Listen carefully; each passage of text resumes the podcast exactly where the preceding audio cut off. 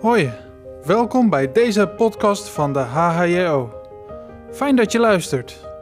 In deze serie luisteren we naar Gods boodschap vanuit het Bijbelboek Titus. Dit is aflevering 4.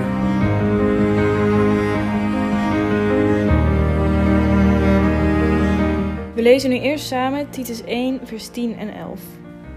Want er zijn ook vele ongeregelden, ijdelheidssprekers en verleiders van zinnen, inzonderheid die uit de besnijdenis zijn, welke men de mond moet stoppen, die hele huizen verkeren, lerende wat niet behoort, omwille van vuil gewin.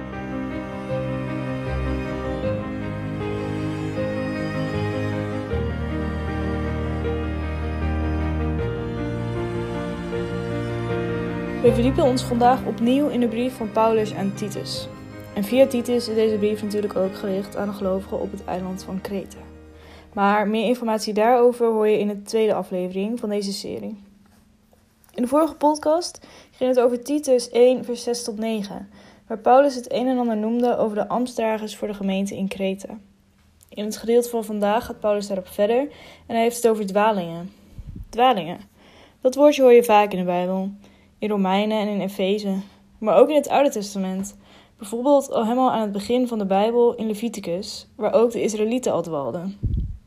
Maar hier dus ook in de brief aan Titus, want de gelovigen in Kreta hadden er ook last van. Maar wat hielden die dwalingen nou precies in? En kunnen we daar vandaag nog iets mee? In de vorige podcast hoorden we dat Paulus een aantal voorbeelden stelde waar een ouderling aan moest voldoen. En nadat Paulus de gelovigen in Kreta daarvan op de hoogte heeft gesteld, wordt hij nu iets minder vriendelijk.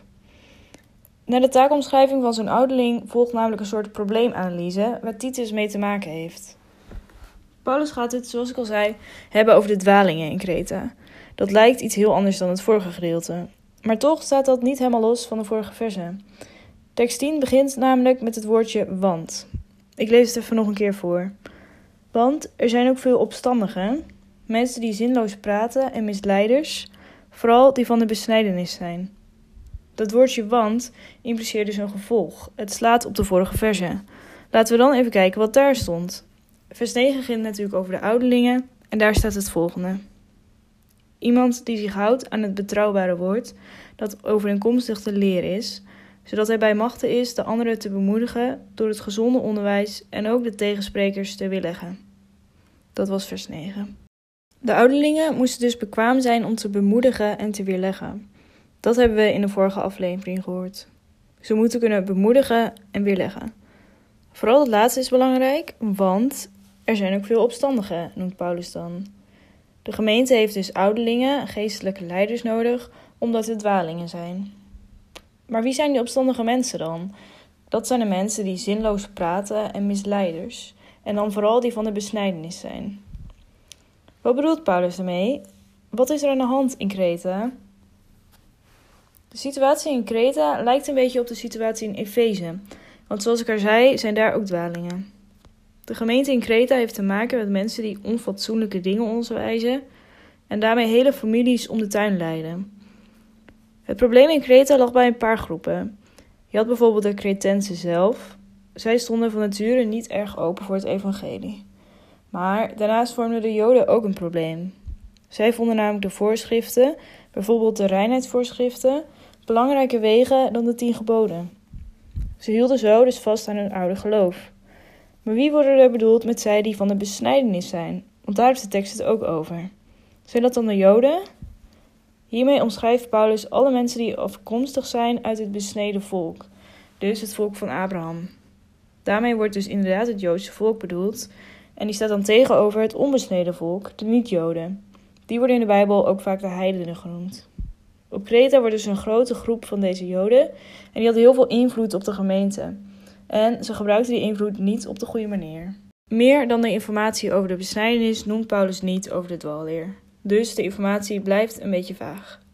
Maar dat het een gevaar vormde voor de gemeente, dat is wel duidelijk. En om dat gevaar in te dammen, moesten Titus en de ouderlingen die ingesteld moesten worden, alle tegensprekers, dus zowel Joods als niet-Joods, corrigeren. Zelfs de mond snoeren. Dat klinkt nogal duidelijk. De reden?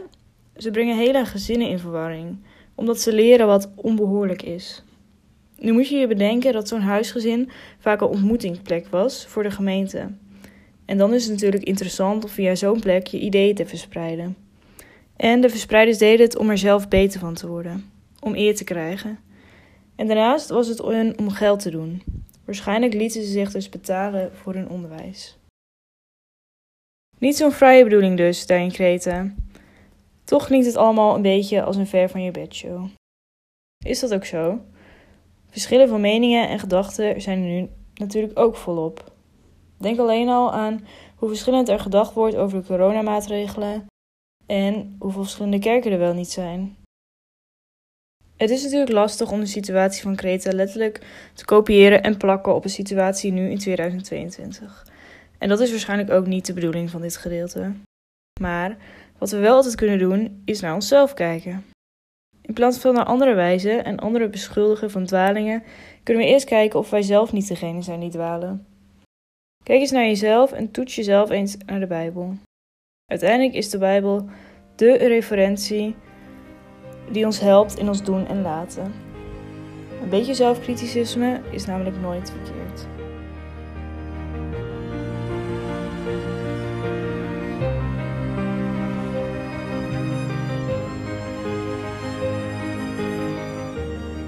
Dan nu de vraag en opdracht voor vandaag.